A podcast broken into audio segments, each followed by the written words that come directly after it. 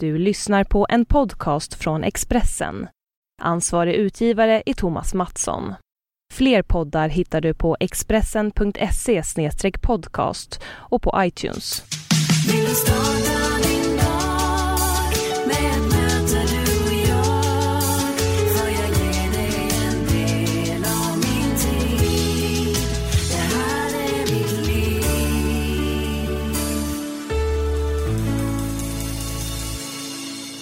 Vi har kommit fram till avsnitt 136 av Livshjulet. Den här podcasten som görs av mig, Anna Hegerstrand, tillsammans med en ny gäst varje vecka. Vi pratar om livet, hur det ser ut just nu, varför det ser ut som det gör och våra tankar kring livshjulet. Jag bloggar på expressen.se Anna Hegerstrand och på Instagram heter jag Anna Hegerstrand. Veckans gäst heter Kalle Moreus. Han är just nu mitt uppe i sin julturné tillsammans med sin bästa vän, sångerskan Lisa Miskovsky. Kalle hade vägarna förbi Expressens podcaststudio för att dela med sig av sitt liv och vi sågs torsdagen den 26 november. Varsågoda, Kalle Moreus livsjul. Skri det kan jag skriva under på. Ja, Har du jobbigt med journalister? Det är en bra fråga för programmet. Har vi börjat? Ska vi öppna med den? Ja, det är en skitbra fråga. Är det jobbigt? Alltså mitt förhållande till eh, journalister eh, är ju med en viss reservation kan man säga. Jag, jag är en människa som är väldigt mån om mitt privatliv och tycker inte att jag behöver blanda in mitt privatliv i mitt liv. Jag har till exempel aldrig förutom en enda gång filmat i mitt hem. Nej nu ljuger jag. Jag har filmat två gånger i mitt hem. Men det var väldigt speciellt. Och eh, det kan man faktiskt se nu på lördag kväll. På tv i Moraeus med mera. För då har jag bjudit hem Dag Sigers till mitt hem. Så det ska bli väldigt trevligt. Och eh, Eh, hur kommer det sig att du vill hålla en sån tydlig gräns? För ditt privatliv är ju uppenbarligen väldigt intressant. Det rullar ju i media, eller hur? Ja, det har rullat eh, den senaste tiden i media på ett sätt som har varit väldigt ansträngande, måste jag säga. Men nej, men alltså jag tycker det är bara en princip. Jag är en... Eh, jag vet inte om det kommer från min bakgrund på något vis. Jag är dessutom inte... Det var aldrig meningen att jag skulle bli artist. Det var inte meningen att jag skulle bli programledare i tv. Eh, Det skulle inte vara meningen att jag skulle göra någonting eh, av det jag gör just nu från början. Utan jag är en akademisk utbildad person som hade en karriär som violinist i en symfoniorkester, den bästa symfoniorkestern i Sverige, Filharmonikerna. Eh, Det var ett jobb jag suktade många år efter och hade mitt mål inställt på. Jag hamnade där och var oerhört lycklig där och få vara på den arbetsplatsen. Sen hände det saker och ting i min med mig som person, som, som yrkesmänniska som gjorde att jag valde att lämna det eh, jobbet och satsa på en egen karriär som underhållare istället. Vad var det i dig som gjorde att du tog det steget? Jag tror att det är en, en enorm eh, vilja av att vilja utvecklas, eh, gå vidare, förkovra mig, utforska nya marker. Liksom. Eh, jag, jag är en... Man kan likna det vid att en bonde kan inte odla samma gröda på, på, på samma mark utan han måste ibland låta det vila och han måste byta gröda. Annars så dör jorden och så funkar jag när det gäller musik. Jag är eh, en blandodlare när det gäller musik. Jag måste spela Måste ha min period där jag spelar klassisk musik. Jag måste ha en folkmusikperiod. Jag måste ha en bluesperiod. Jag måste spela pop.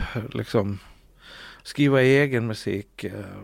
Jag kan inte bara hålla på med en sak. Då blir jag tokig. Liksom. Musiken är ju verkligen en röd tråd genom ditt liv och du har ju fått med den här spelmans, vad säger man? Traditionen kan man Ja, säga. i, i modersmjölken. Ja, verkligen. Kan du känna att, för nu är du ju programledare. Ja. Du är ju en av våra folkligaste programledare faktiskt. ja, av någon outgrundlig anledning. Är du glad över det eller Ja. känner du att det tar energi från det du egentligen vill göra? Nej, men det, jag har ju insett att alltså, livet är så långt då. Alltså att man, man, man, när man har det här yrket som jag har så kan man göra olika saker i olika perioder i livet. Jag vet ju att det här programlederiet, det tar ju slut en dag. Det är jag ju fullständigt medveten om att en dag så, så ringer de från SVT och säger nej nu är den serien nedlagd eller nu är det här gameshowen över liksom. Och om det blir något mer tv sen, det vet jag ju inte. Jag har ju aldrig haft målet inställt på att göra tv utan jag har ju bara, jag har bara gått omkring och varit mig själv och det finns ju andra människor som har sett mig liksom som tycker att jag borde ha testat på det och då har jag gjort det. Så har det gått ganska bra faktiskt. Vad tror du det folk ser i dig som gör att de tycker att du ska vara i tv?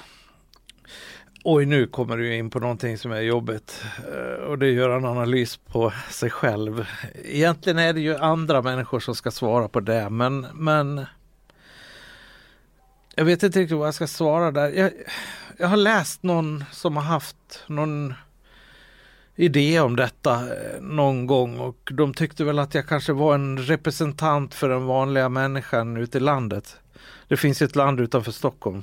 Eh, det? och, eh, ja, jo, jag vet att ni tänker så. som Fast jag är från Jönköping. Ja, jag hör det. Du vet att det finns ett land där ute. Och eh, jag, jag kanske är en...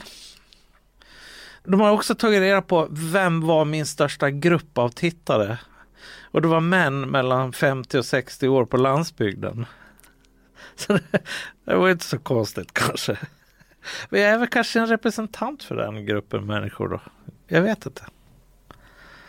Jag har aldrig haft några djupare planer eller strategier eller att jag ska vara si eller så. Jag bara sätter på mig den där kavajen och så går jag in och börjar. Liksom. Man behöver inte krångla till det så mycket. Offentligheten annars då och allt som kommer med det här med att leda program och vara en underhållare, en Ja. underhållare. Alltså det var ju en, eh, eh, ett ställningstagande som man fick göra. För man vet ju vad det innebär att eh, man eh, kliver i den här rollen som offentlig person. Och det var ett svårt ställningstagande liksom. Men jag valde att säga ja. Men då tänkte jag att om jag nu gör det här då ska jag försöka hålla mitt, eh, min privata värld utanför. Och försöka vara väldigt tydlig med att nu jobbar jag. Nu är jag yrkesmänniskan Kalle. Jag blandar liksom inte ihop mitt privatliv och eh, mitt civila liv med mitt eh, jobbliv liksom. Och det har jag tycker lyckas väldigt bra faktiskt. Förutom då en liten glitch. När man gick och skilde sig så var det rubriker och det var ju en väldig chock eh, i livet för alla. Det hade jag ju inte riktigt väntat mig kanske. Och det är ju ett och ett halvt år sedan. Och hur har det påverkat dig att figurera i media och sådär i samband med skilsmässan? Det har gjort att man har blivit ännu mer restriktiv. Man diskuterar igenom med, med massor med människor i, som jag jobbar med. Vi har en pressavdelning på Sveriges Television till exempel som har stöttat mig jättemycket och uh, har varit med och hjälpt till och eh, uh, dra fram en, en, en, en strategi för hur jag ska eh, vara mot pressen och vad det är jag ska bjuda på och inte bjuda på. Så att man minskar ner skadorna. Liksom. Mm, Du har blivit medietränad då, så att du kan göra Ja, de ja och jag även andra. Jag har en manager som är väldigt bra. Jag har eh, ett skivbolag i ryggen som är fantastiskt. Jag har medarbetare i tv-världen som jag jobbar väldigt nära med som också är med mig. Nu vill ju människor lite olika saker från mig. Det är ju, till exempel så är jag ju skyldig att prata med media enligt mitt jobb på, på SVT. Så har jag ju en, en, en, eh, en skyldighet att ha en relation med pressen. Mitt, min kamp har ju då varit att jag har gärna en relation med, med pressen. Men jag har gärna en jobbrelation med pressen. Jag har ingen relation med pressen då jag ska berätta om mitt liv, mitt privatliv. Liksom. Hur känns det då att sitta här i podcasten Livshjulet där vi ska prata om ditt liv? Ja, det går jättebra för att jag kan prata om livet. Det kan jag göra och, och, och så. Utifrån ditt perspektiv då? Ja, men jag kommer ju inte att sitta och läsa upp skilsmässoprotokoll för er. Nej, Hur än gärna ni än vill det. Men äh, prata om livet kan vi ju göra. Det gör vi ju gärna. Och var är du i livet idag? Ja, jag är en tjur på retur om du vet vad det betyder. Jag, jag kan tänka mig. Det är så här att älgtjurarna de pikar någonstans där vid 4, 5, 6 år. Då är hornen som störst. Skoveln på hornet är som störst. Sen går tjurarna på retur som man säger. Då blir de äldre. Då blir hornerna eh, lite mindre. Och då säger man att man är en tjur på retur. Och jag är definitivt en tjur på retur. För jag vet att vi män vi pikar någonstans runt 20 år. Så att det är en, en liten utförsbacke i livet. Jag är 52 år och det märks. På vilket sätt märks det? Ja, man ser inte lika bra, man hör inte lika bra, man rör sig inte lika bra. Man sitter och stånkar när man sätter på sig strumporna på morgonen. Och det är lite krämpor här och där. Känner du dig gammal? Kroppen eh, är jag ju inte riktigt överens med. Eh, Inne i huvudet är jag väl fortfarande bara 20 år men eh, fast 20 år med livserfarenhet eh, på något vis. Man blir ju klokare när man blir äldre. Gillar du att bli äldre? Ja, jag älskar att bli äldre. Jag, jag, jag, har, jag är som Sen jag var 25 år eller började jobba så har jag längtat efter pension. Till skillnad mot för väldigt många. Så jag har fascination över att jag eh, Jag vet ju att jag, jag kommer att bli gammal eh, om jag nu får leva liksom. Och jag tänker omfamna den ålderdomen. Med glädje faktiskt istället för bitterhet. Har du någon plan på att eh, göra dig vän med din kropp också då? Eh, Så att du orkar den, att bli äldre? den planen började jag ju då någon gång där vid 28-29 års ålder. och Den planen håller jag på med fortfarande. Har du tagit steget än då? Det, det har gått lite upp och ner sådär. Jag har haft vissa jävligt bra år faktiskt och sen har jag lite sämre år emellanåt. Det där, det där är ju jag vet inte om det beror på att den problematiken, om man nu till exempel, det är ju ingen idé att sitta och inte hävda att jag är överviktig, för det är jag ju liksom lite grann. Men jag, hur ska jag säga? Jag vet inte om den problematiken för mig är eh, baserad på enormt eh, djupa eh, psykologiska orsaker eller om jag bara är en karaktärslös människa som gillar god mat. Jag vet inte. Det, det där står ju i konflikt med av, av att leva livet lite. Jag älskar ju mat. Jag, det är ju min stora hobby. Jag lagar ju mat jämt liksom. Och det har, får ju sina effekter. Och det blir inte lättare när man blir äldre. Utan det är ju tar ju längre tid att gå ner i vikten när man var 30 liksom. Men jag rör mig mycket. Jag tränar och jag åker skidor på vintern väldigt mycket. Och, Utför eller slättförs? nej, jag åker längdåkning. Jag är längdåkningsfanatiker faktiskt. Det är den enda nördiga sak jag håller på med. Där är jag riktigt, riktigt nördig faktiskt. Jag läste att din dotter hade åkt Vasaloppet. Ja, hon åkte Kortvasan, eller Tjejvasan eller Kortvasan. Jag har också åkt Kortvasan en gång. Hur lång är den? Tre och en halv mil. Men, men eh, att åka längdåkning det är mer en, ett sätt att leva än att hålla på med en träningssort, träningssak för mig. Och jag, jag är verkligen, det är det enda gången jag har lyft på telefonen och ringt och frågat om jag får vara med i tv. Det är på Vasaloppet. Vad- Så jag är reporter på varje söndag morgon där på Vasaloppet. Ah. Och det har varit nu ett par tre år så att, och jag hoppas ju vid alla gudar att det fortsätter. För man kan nästan inte göra någonting roligare när man heter Kalmareus än att få stå mitt ute i spåret och prata med folk som åker Vasaloppet. Det låter ju inte klokt när jag berättar men det är så. Jag kan tänka att det är roligare att stå och intervjua folk som åker Vasaloppet än att åka Vasaloppet Ja det, det tror jag också. Men då har du ganska eh, bra psyke då. Jag skulle inte klara av, tror jag inte, eller klart jag skulle klara av, men jag skulle inte tycka det var så kul att göra en sån här monotom grej, du vet. Cykla Vätternrundan, åka Vasaloppet. Det måste hända grejer hela tiden. Ja men det där är nog en läggningssak tror jag. Vissa spelar squash och vissa eh, håller på med boll. Alltså vi är alla olika i Guds hage. Och det där passar mig väldigt bra. Jag är liksom född med det där också. Född i, vi åkte mycket skidor när vi var barn och vi hade spår utanför huset. Och det är faktiskt den finaste julklapp jag fått. Du vet jag är så gammal så att jag var med på den tiden man hade träskidor. Och sen där i början på 70-talet då kom plastskidorna. Och när jag fick mina första plastskidor, det var, alltså det var så hippt så det går inte att fatta. Det var så det var så top notch julklapp som det bara kan bli faktiskt. Hur var din uppväxt? Det var trygg eh, medelklassfamilj. på landsbygden i Orsa. Min far var byggnadschef på kommunen och min mor var sjuksyster. Så vet jag att du har två bröder som du såg upp till väldigt mycket. Ja, Perra och Olle. Eh, De är lite äldre än mig men eh, de var mina stora idoler kan man säga. Håller de på med musik också? Ja, oh ja de är musiklärare och, var är med i Orsa Spelmän och Benny Anderssons orkester. Och, så vi har haft det väldigt trevligt nu sedan 1998 när vi startade Orsa Spelmän med Benny. Och vi har fått fantastisk tid att få spela tillsammans och umgås. Och det är inte alla som får göra det med sina syskon. Men jag är väldigt glad över det. Har ni en tajt relation även privat då utanför jobbet? Ja det har vi absolut. Vi, vi är jättevänner. Vi ses inte så mycket men det behöver vi inte göra för vi vet att vi finns där. Jag jagar med den ena brorsan på hösten och vallar skidor med den andra brorsan på vintern. Och sen så grillar vi allihop på sommaren. Så att, eh, vi har det bra.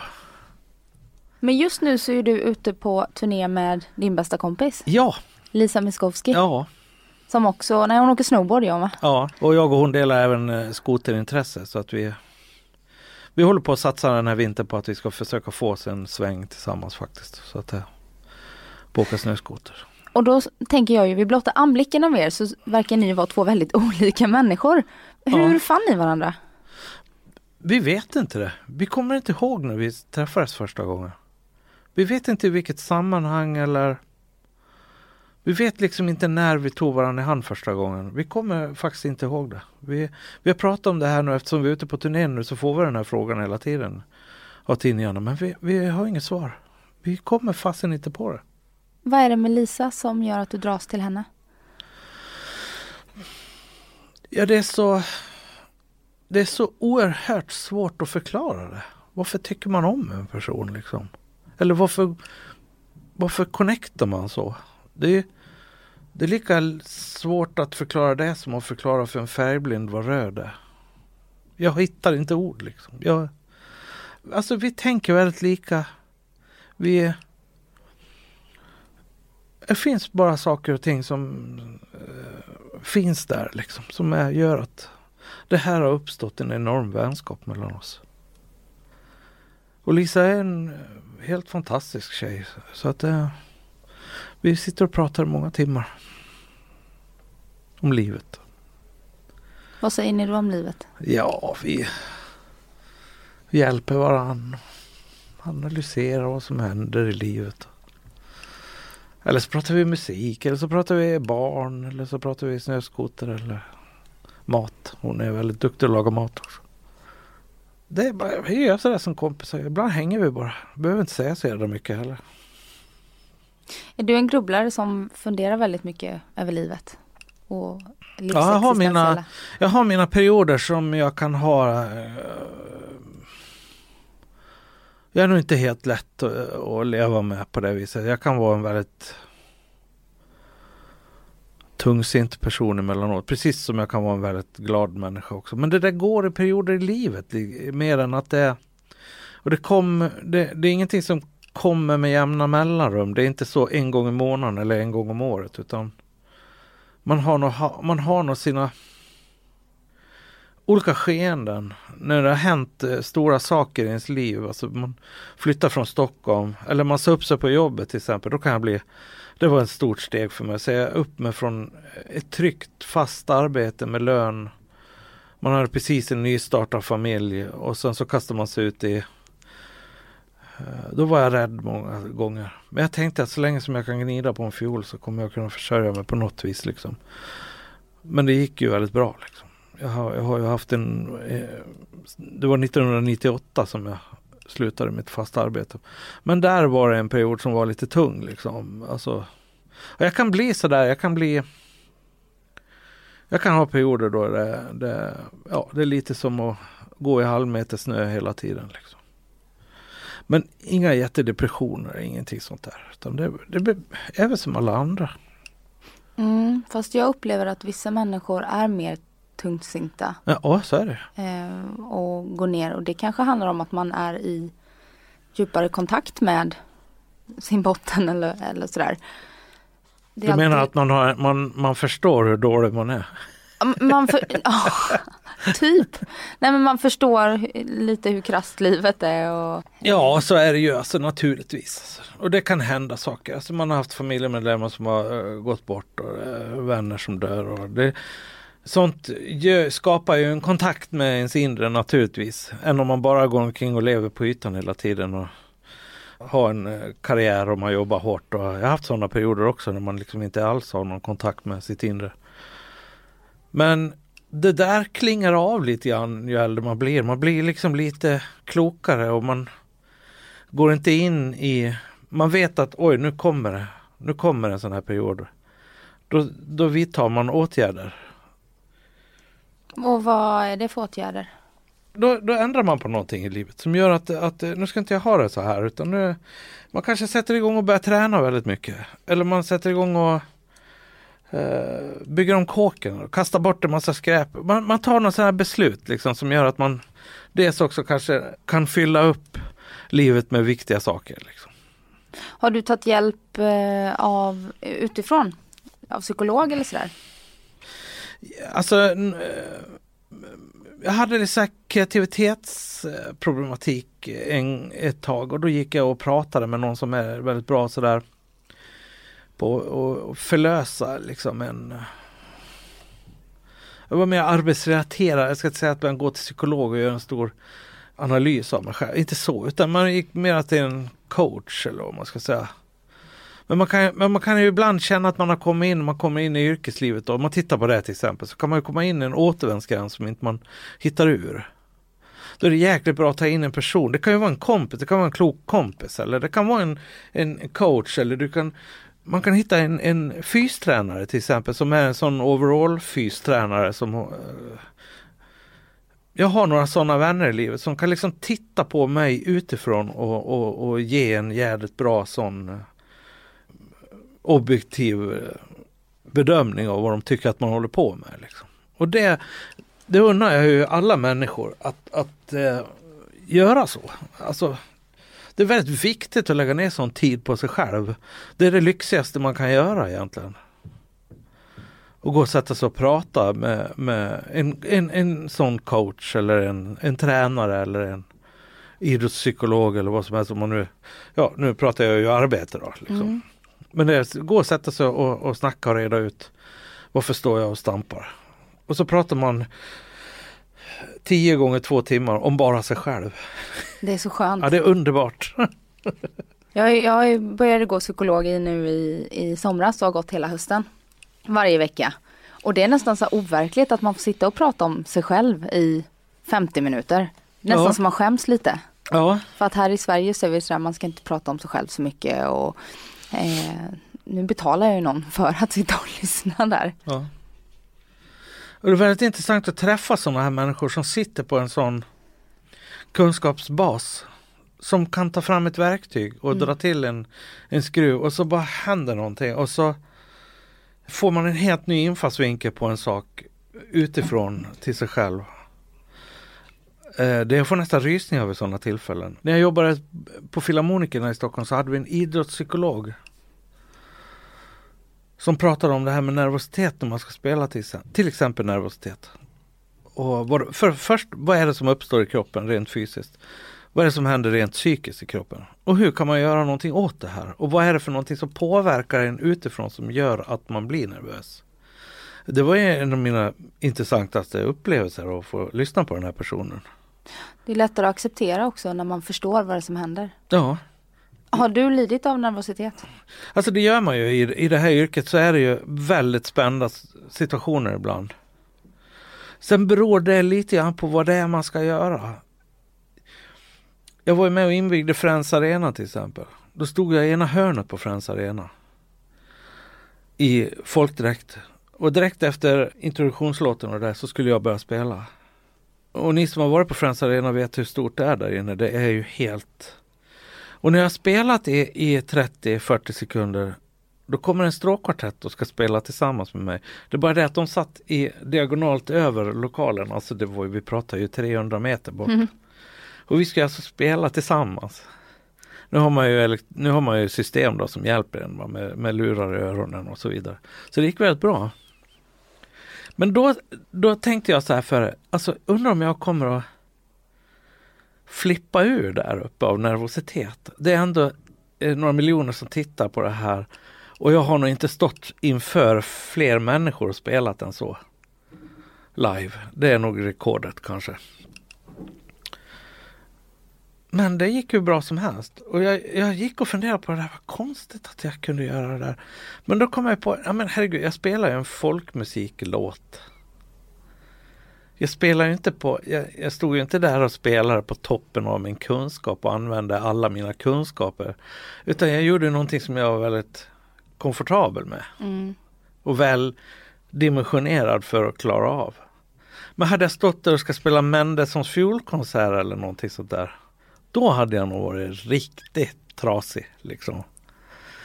Och det är ju klart, jag har ju befunnit mig i de situationerna många gånger i livet. Så att det är, men det blir konstigt nog också en arbetssituation som man vänjer sig vid. Liksom. Har du hög tillit till dig själv i livet? Jag har nog hög tillit på att jag vet vad jag klarar av och vad jag inte klarar av. Och jag litar på mig själv när jag säger nej eller ja till ett jobb. Och det tycker jag är väldigt, eh, jag är väldigt stolt över den, eh, just den förmågan eller den begåvningen att jag faktiskt kan säga eh, att jag har koll på det. Alltså jag försätter mig aldrig, situation, jag försätter mig aldrig i situationer som jag, jag inte klarar av eller tvekar på om jag ska fixa. Men är inte det att utmana sig lite också? Att så här, klara av något som man inte riktigt är säker på att man Ja, ska lösa? att börja med tv var det. Jag visste inte hur det skulle gå, eller om jag kunde. För att egentligen så uppfyller jag ju inte ett enda krav för att vara i tv. Jag ser ju ut som, eh, jag har ju sexapil som grodan boll liksom. Och sen när man hör man, jag hör ju inte själv vad jag säger när jag pratar för jag sluddrar ju bara. Och så kan jag inte lära mig någonting utan till. jag har ju inte ett rätt för att vara i tv liksom. Och ändå är jag där så det var ju en jätteutmaning för mig att tacka ja till allt det här tv-livet liksom. Å andra sidan har jag ju gjort väldigt mycket tv under hela mitt liv.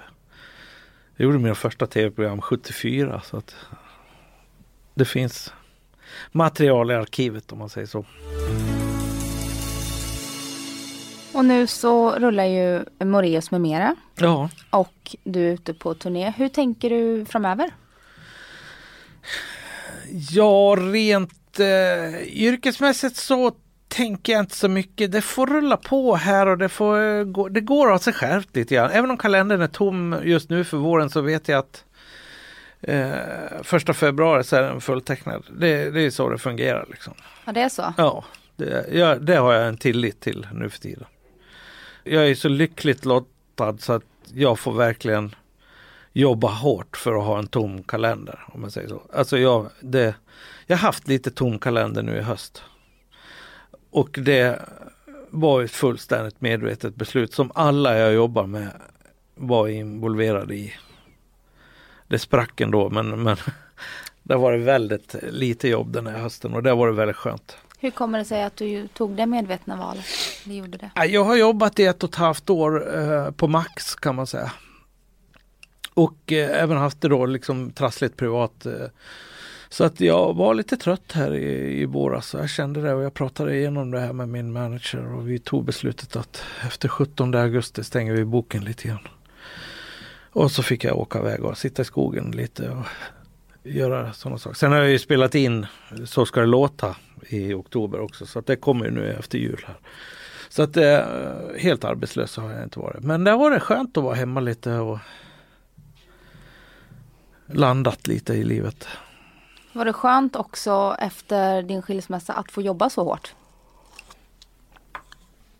Var det också en lite, för det kan ju bli en flykt att man flyr in i jobb för att slippa. Alltså jag var, det var ju redan bestämt att jag skulle jobba hårt. Mhm, Så att mm. eh, ja, det var en eh, märklig eh, situation kan jag säga. Att gå in och vara hej och välkomna hit och jätteglad och så som jag ska vara på scenen. Samtidigt så upptäckte jag ju att det var en jävla... Det gick. det gick verkligen att inte plocka med sig privatlivet ut på scenen. Eh, Vad hade du för strategi för det? nej, det handlar ju bara om att göra sitt arbete. Det var mer så, sån där eh, gammal hederlig spotta i nävarna och gå in och göra jobbet. Och inte blanda ihop påsarna liksom. Och det gick bra. Det, det, det var till och med väldigt bra tror jag. Och hur har det varit nu när du varit ledig? Vad har det gjort för dig? Att få landa lite i livet. Ja, jag har tagit hand om hem och hus och katten har blivit kammad och dränerat runt huset. Man pysslar med sig själv lite grann sådär. Umgås med mina vänner. Kört lite motorcykel åkt lite bil. Flyger lite flygplan. Jag håller på med sånt där. Så att jag, jag, nej, jag har en liten stund i livet. Jag har varit och jagat lite. Och ägna mig åt det. Det är också lite lyxigt att kunna få göra det. Och vad tycker du om att bo själv? Du har inte gjort det på 22 år tänker jag. Nej, det är lite, det var lite Nej, men det fattar man på en gång på något vis. Det går av sig självt alltså. Det är ju väldigt bekvämt också. Man blir ju helt suverän i alla sina eh, beslut. Det är bara jag som bestämmer när jag ska gå och lägga mig och gå upp och vad jag ska göra under dagen. Och det är nästan farligt skönt. Och jag älskar sällskapet av mig själv. Jag har verkligen inga problem. Jag kan sitta på en stubbe i skogen i en vecka och bara titta rakt fram. Jag har inga problem med det. Tvärtom så njuter jag väldigt av det. Så det, det är ingen... Uh, och sen har, det, har jag, jag vet inte men eh, när man byter liv sådär så, så byter man ju väldigt mycket saker. Man, man skiljer sig ju faktiskt från hela livet på något vis. Man skiljer sig inte bara från en person. Liksom. Menar du då? Ja men alla sina åtaganden och klockslag och det Man har ju inte längre den här hänsynen att uh, ta hänsyn till någon annan i en partner i livet liksom så att Till exempel under tiden man hade småbarn Då gick man och drömde om alla de här sakerna man inte kunde göra. Man kunde inte åka iväg och fiska när man ville. Och, Utan det handlade om att leva småbarnslivet liksom. Sen när man äntligen kommer till den här punkten då att nu får jag göra vad jag vill. Ja då gör man ju alla de sakerna. Det är bara det att de är klar på två timmar. Vad gör man sen då? Sen sitter man ju där och undrar vad, vad ska jag göra nu liksom? Nu har jag gjort det här som jag längtar efter att göra liksom. Så där får man ju försöka ja, leva ett vanligt liv bara. Har du haft lite tråkigt låter det som. Det är väl klart att livet är tråkigt ibland. Det ska vara tråkigt ibland. Man kan inte bara hålla på och maxa och ha roligt och eh, försvinna bort i Facebook hela dagarna. Liksom. Man måste ha lite tråkigt emellanåt. Det är tråkigt att kratta löv. Och jag har bara löv på gården liksom. Men jag, när jag har gjort det då mår man ju bra liksom. Och jag vet ju att det är, är tråkigt att öva ibland. Men jag mår ju bra av det liksom. Och det blir ju bra det jag gör liksom. För mig liksom. Så att det, man måste ha tråkigt ibland. Annars blir ju inte kul kul. Och hur tänker du framöver? Jag läste att du ändå är öppen för att inte leva själv hela livet. Ja, ni journalister säger jag bara. Jag vet att jag frågade dig innan vi slog på här om det var någon fråga du inte ville att jag skulle ställa. Alltså det, det är så händer det så händer det. Det var det jag sa till Pascal. Eh, eh, Jag kan inte, jag är ingen siare. Jag vet inte hur framtiden ser ut. En dag sitter man väl där med skägget i brevlådan. Får vi väl se då. Vi Ja. får väl ta det från där. Jag har ingen plan eller säger att eh, 2018 då ska det se ut så här i mitt liv. Nej. Herregud, man vet inte om man lever ens. Så att det en dag i taget och Och då måste jag ändå fråga, vad är det du har tagit med dig för lärdomar? Från din tidigare relation? Ja, man skulle kunna skriva en roman om det kanske. Men, men, eh, nej, men lärdomar, lärdomar, alltså det är väl Det här läggs ju i ryggsäcken eh, som heter livserfarenhet. Som man bär med sig och den, eh, ju äldre man blir desto större och tyngre blir ju den ryggsäcken. Och i framtiden någon gång när man behöver eh, sätta sig ner och fundera då tar man och tar av sig ryggsäcken och så tittar man lite djupt och börjar rota ner den där. Till slut så hittar man någonting i den där som man kan ta fram och använda. Och vid det här laget i livet så, så eh, är den väldigt bra fylld, min ryggsäck. Jag hoppas jag blir en klok man på äldre dagar. Jag har bestämt mig för att jag ska bli en väldigt lycklig människa och jag är en väldigt lycklig människa. Vad är lycka för dig? Ja, framförallt att vara frisk. Jag har vänner som är sjuka så jag vet vad det innebär. Min mor var väldigt sjuk när jag var barn. Hon gick bort i en stroke. Vi levde med den stroken ett par år och sen gick hon bort så att eh, det är inte så lyckligt i livet. Eh, så att vara frisk, vakna varje morgon. Jag brukar tänka så varje morgon när jag sätter mig på sängkanten så tänker jag åh, en ny dag. Och jag är frisk, jag vaknar och jag mår bra. Liksom. Jag är tacksam. Jag ska inte säga att jag går ut på gräsmattan och gör solhälsning, det gör jag inte. Men jag säger tack i alla fall till något, till någonting. För jag vet att det kan komma en dag då det inte är så. Det låter lite gubbigt och gammalt men, men så tänker jag. Är du troende? Nej, jag är inte på det inte det traditionella sättet att jag tror på eh, en gud via religion. Jag är nog snarare så att jag tycker väldigt illa om religion. Eh, för överhuvudtaget alla religioner.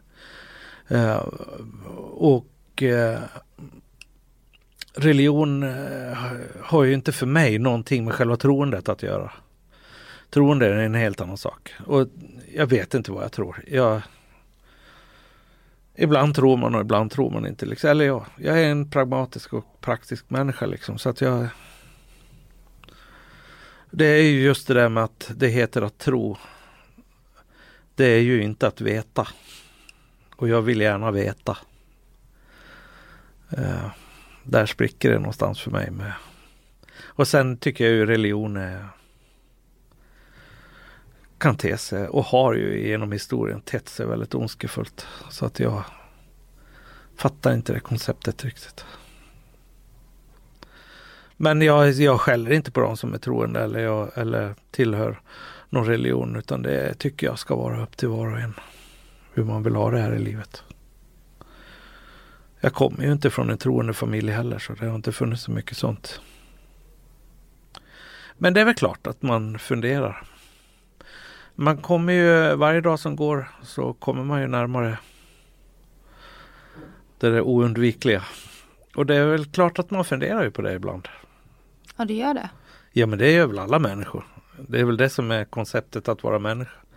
Ja, fast jag tror att inte alla människor gör det. För att Nej, det de är så jobbigt det. att fundera över det. Ja men de borde göra det. Och då tror jag man blir lite tacksam för här och nu. Mm. Och se till att man är en god människa och har roligt. Är, är du rädd för döden? Inte, inte ett spår faktiskt. Nej. Det ska bli intressant snarare. Är det så? Ja, det ska bli kul att se om det händer något. Eller. Ingen vet ju vad som händer. Man kan tro att det händer något, men ingen vet. Ingen har eh, kunnat presentera någonting matnyttigt i den vägen. Jag vet ju att människor har sett ljuset i tunneln och de har upplevt saker och ting när de har varit döda. Jag känner många som har varit döda och kommit tillbaks. Och en del eh, har ingen erfarenhet överhuvudtaget och vissa har eh, jättemärkliga syner och så vidare. Men det är många som förklarar då med syrebrist i hjärnan och det uppstår en några sekunder av eh, förvirring eller vad man nu ska säga. Men faktum är att inte en enda människa vet vad det är som händer när man dör. Så det ska bli intressant. Det kanske är bara att släcka lyset. Och då är det ju så. Sen är det slut. Ja. Har du någon sån här grej, någon bucket list som du eh, vill göra innan du dör? Ja, det har jag lite. Ja, det har jag.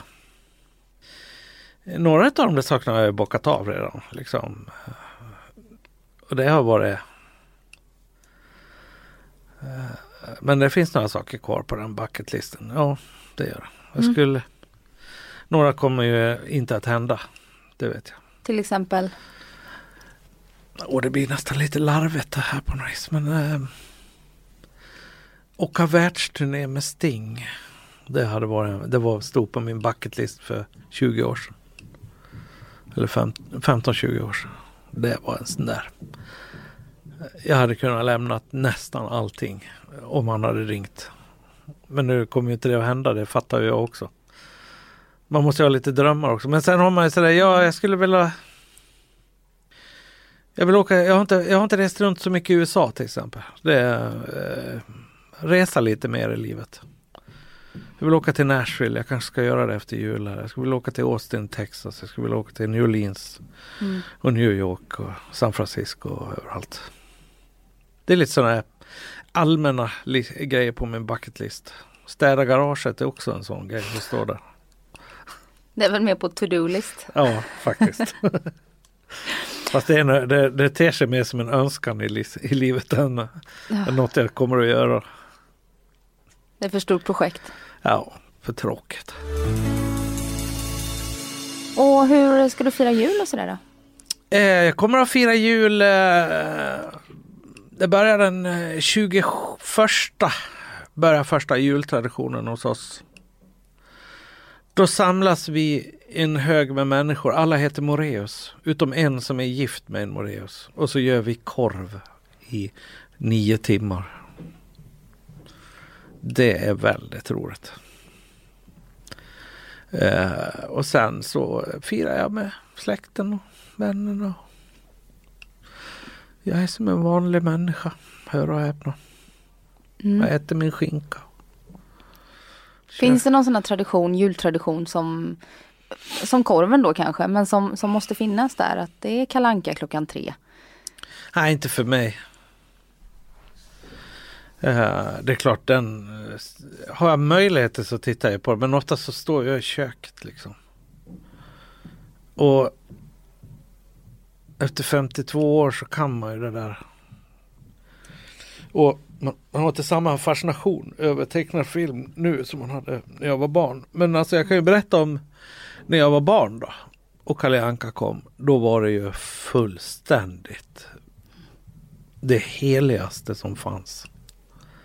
Man växte upp jag är född 63, alltså började ju mitt tv-tittande bli ganska aktivt sådär mellan 68 till 75 kan man säga då som barn. Och eh, då begåvades ju vi utav eh, den ena efter den andra märkliga barnprogram på tv. Det var tjeckisk skuggteater och jag vet inte vad vi vart hänvisade och tittade. Vilse pannkakan och en massa saker. Eh, så att vi fick se Kalle Anka det var ju nästan som eh, väldigt syndigt. Så För att det var tecknat. Ja, för det fick man nästan aldrig se. Sån eh, imperialistunderhållning som vissa kallar det för. Mm. Det lite svårare att stimulera barn idag än vad det var när Ja, du var liten. ja, barn idag tittar väl nästan inte på det där klockan. Det är väl till för oss det som är äldre. Ja, jag tycker det är mysigt att ha på i bakgrunden. Sen kanske man inte behöver sitta och titta hela tiden. Nej. Men det fanns en tid då det liksom fanns inga alternativ. Alla tittade. Mm. Ja, vår julvärd måste väl varit på din bucket list också kanske? Nej, det kom som en total överraskning och eh, förstod faktiskt ingenting. 2011 var det va? Ja, och jag, jag fattar inte ens att jag sa ja till det. va? Du känns som en klockren julvärd för mig. Ja, folk säger sådär till mig liksom. Jag vet inte varför men man Man är väl fryntlig och dalmaspratande Dalkarspratande man som kanske skänker någon form av lantlig eh, trygghet i det hela. Jag, jag, jag, nu gör jag en analys på mig själv som är helt värdelös men Jag vet inte varför folk säger sådär men Det måste vara nära ändå. Vadå? Det måste vara en ära att få frågan. Ja, ja, det var en, en enorm ära. Det var så stor ära så man tackade inte nej. Och sen så kom den där dagen och så gick man upp där och så tränade man lite och fick titta på studion och sen så gick man in där och så stängde de en kassaskåpstjock dörr på en halv meter. Och så var det ett hermetiskt tillslutet rum. Där firar jag julen liksom. Det var ju helt... Jag fick ju gå ut när programmen sändes men det var så in där igen. Och helt surrealistiskt. i ett kontrollrum liksom. Och jag satte mig i bilen direkt efteråt och körde hela vägen hem till Orsa. För jag, jag ville bara hem. Så kom jag hem till julupplyst eh, hem med granen så stod där och snön och det, ja, det var helt magiskt. Det var helt magiskt att åka hem den natten. Sitta själv i bilen och summera ihop den där dagen. Liksom. Mm, det förstår jag. Det låter på dig som att du, just det här med offentligheten och tv och det som du har lite jobbigt med ändå. Ja, Tänker du att du kanske självmant drar dig tillbaka och slutar med tv? det kan det absolut. Den tanken har jag tänkt flera gånger. Eh, jag är ju lite för ung än för att sluta arbeta. Så jag måste ju, man, det är ju mitt yrke. Det är min inkomst. Eh, Men jag tänker att du som är sånt stort namn nu skulle kunna försörja dig på att turnera och spela ja, runt men det, om i landet. ja men det gör jag. Så som du gör Men nu. det är ju långt, det är en väldig skillnad på det och stå i tv. Och det är ju en liten märklig, alltså man får ju, man får ju kontakt med människor hela tiden tack vare tv-tittandet som man inte får när man turnerar liksom. Jag hade väl lite, det fanns väl en fanbase innan tv också naturligtvis, men min fanbase nu är ju väldigt mycket större. Och av alla tusen fantastiska brev och vykort jag fått så har jag fått två hatbrev. Så jag är ju väldigt, Oj. väldigt eh, förskonad ifrån det dårskapen. Jo, men du är ju ganska likeable också. Ja, jag, jag gör väl ingen fluga för när liksom. Jag, är- jag är inget hot mot någon liksom. Och jag, jag har min egen lilla värld liksom. Så, så är det väl. Jag hoppas vi får kvar dig i rutan ett litet tag till. Jo men det kommer det bli. Vi, vi har massa skisser på vad vi ska göra. Det är jättekul att hålla på med tv. Det är väldigt kreativt. Väldigt kreativa människor som man får jobba med. Det är mycket det är mycket idéer som naturligtvis aldrig blir någonting men eh, några av de här idéerna man kommer på eh, kommer ju kanske att ske. Liksom. Och, och det finns ett liv efter Moraeus med mera och det finns ett liv efter Så ska det låta. Liksom. Och, och sen får jag se då om jag Alltså det tunnas ju ur eh, att vara hade, hade jag varit den här personen i 1900 eller på 70-talet som jag är idag, då hade jag ju varit ofantligt stor. Men idag så finns det ju oerhört många människor som gör det jobbet jag gör. Alltså eftersom det har blivit så mycket kanaler liksom och det är sånt brett utbud och sånt här finns som vi sitter i det här mediet. Det fanns ju inte för tio år sedan. Alltså podd-tv, podcast, eh, allting. Alltså det, vi översvämmas ju av ett eh, mång, eh, hur ska man säga, det är så otroligt, mediet är så otroligt utvecklat idag. Så idag är det inte lika sensation att stå i tv och vara programledare. Men hade jag gjort det här 1975 då har jag ju varit, alltså du ser Lennart Hyland och sådana människor som fanns på den tiden som när det fanns bara en kanal eller två kanaler att titta på. Liksom. Då ja, då vart man ju alla man vart ju rikskändis. Mm. Alltså på 60-talet var man med i, i tv-programmet Hylands hörna och sjöng en låt och spelade gitarr. Då var karriären klar. Då hade du sommarturné. Då hade du skivkontrakt. Då, då, hade du, då var du färdig liksom. Det var den ultimata platsen att vara med på liksom. För hela Sveriges, det var det enda man kunde titta på liksom. Det är lite som Melodifestivalen. Ja. Det känns som att Melodifestivalen är en lägereld som man ändå samlas runt. Ja, jo för vissa genrer är det ju det. För vissa, för vissa andra kulturella yttringar så existerar ju inte ens Melodifestivalen. Liksom. Om du ser på klassiska och folkmusik och jazz och Men ni det kom, nej precis. Alltså det, världen är ju bra mycket större än bara Melodifestivalen men man kan ju tro att det är det enda som finns. Men det är ju inte det. För oss som inte är så insatta i musik. Nej. Just den här Nej, kommersiella det. musiken. Nej, precis. Kommer du vara med i Mello något mer? Eh, jag har ju sagt att jag inte har några planer men man ska aldrig säga aldrig för att vara med i Mellon för mig det handlar bara om en enda sak och det är att det finns en låt som passar mig till 100% och där Mellon skulle vara en bra språngbräda för den låten. Jag själv behöver ju inte det mediet för överhuvudtaget. Jag behöver inget mer medie för överhuvudtaget någon gång egentligen. För det är, det är ju redan klart. Jag kan inte bli mer, komma längre än vad jag har gjort. Liksom. Jag måste satsa på innehållet i det jag gör istället. Liksom. Istället för att satsa på mig. Liksom. Så att det, och det är eh, inte så kul att vara med, tycker jag. Jag tyckte inte det var så roligt att vara med. Jag tyckte det var där var ju första gången egentligen på något vis som jag mötte elak kritik. Liksom. Och det var lite chockande. Liksom. Och Jag, jag, vet inte, jag har inte börjat spela jag har inte stått 10 000 timmar och blivit violinist i ett övningsrum för att jag ska gå ut och få bli bedömd. Och få en del skit för det man gör. Liksom. Jag, det är ju en jättemärklig situation. Liksom. Men folk tycker ju så mycket om det. Melodifestivalen. Liksom. Men du känner inte tillräckligt trygghet i det du gör och i att ditt hantverk är tillräckligt bra så att du kan liksom sopa undan den kritiken? Nej men den är ställd fel, frågan, ursäkta men den är Mm. felställd. Ja. Jag känner snarare så mycket trygghet och, och förtroende i det jag gör så jag behöver inte vara med där. Mm. Det är så, jag klarar mig väldigt bra ändå, tack. Eh, det är så jag känner. Men, men jag, jag säger absolut inte nej till att vara med. Eh, om det nu finns en fantastisk låt och, och, och den skulle passa in där och att man får vara med. Så då kanske man gör det igen. Men, men eh, det har ju faktiskt inte varit aktuellt heller. Så att, Kalle, tack så jättemycket för att du kom hit och gästade mig. tack så mycket. Ja, jag är jätteglad att du ville komma hit och prata lite om ditt liv i alla fall. Ja, Det var inte så farligt va? nej. och lite farligt var det. Det var det. Ja. Jag tycker du är duktig på att, på att um, Kallprata. dra din gräns. Nej men dra din gräns. Ja, det är någonting som man, har, eh, man får lov att bli bra på. Det tillhör det här yrket. Att man vet vad man ska säga och inte säga och att man inte lämnar ut människor och så vidare. Mm.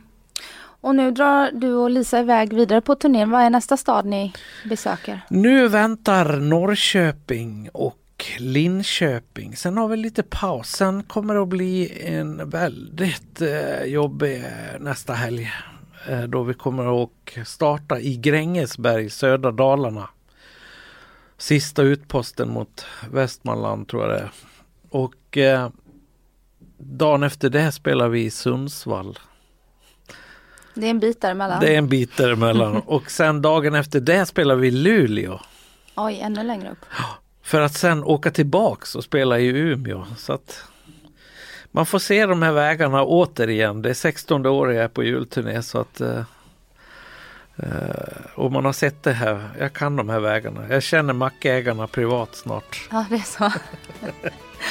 och så får du fokusera på alla människor du, du glädjer med din musik istället för Ja. de jobbiga bilfärderna. Ja, exakt. Har du hört berättas om en sång mellan drömmar och verklighet? Sägs det spela gång på gång hjärtats sång. Och här står jag en enkel man utan stora och vackra ord. Visst, jag gör så gott jag kan, men ibland när mina ord är simpla och små Hur ska du veta då? Tvivlar du? Undrar du? Älskar du?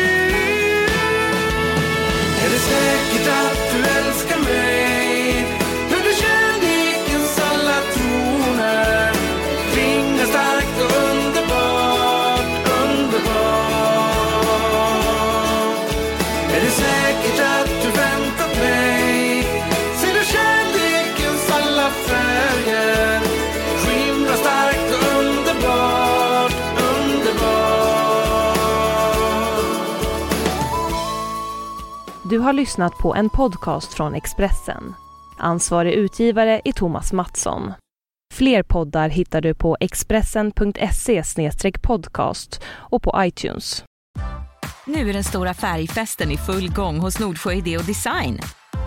Du får 30% rabatt på all färg och olja från Nordsjö. Vad du än har på gång där hemma så hjälper vi dig att förverkliga ditt projekt. Välkommen in till din lokala butik.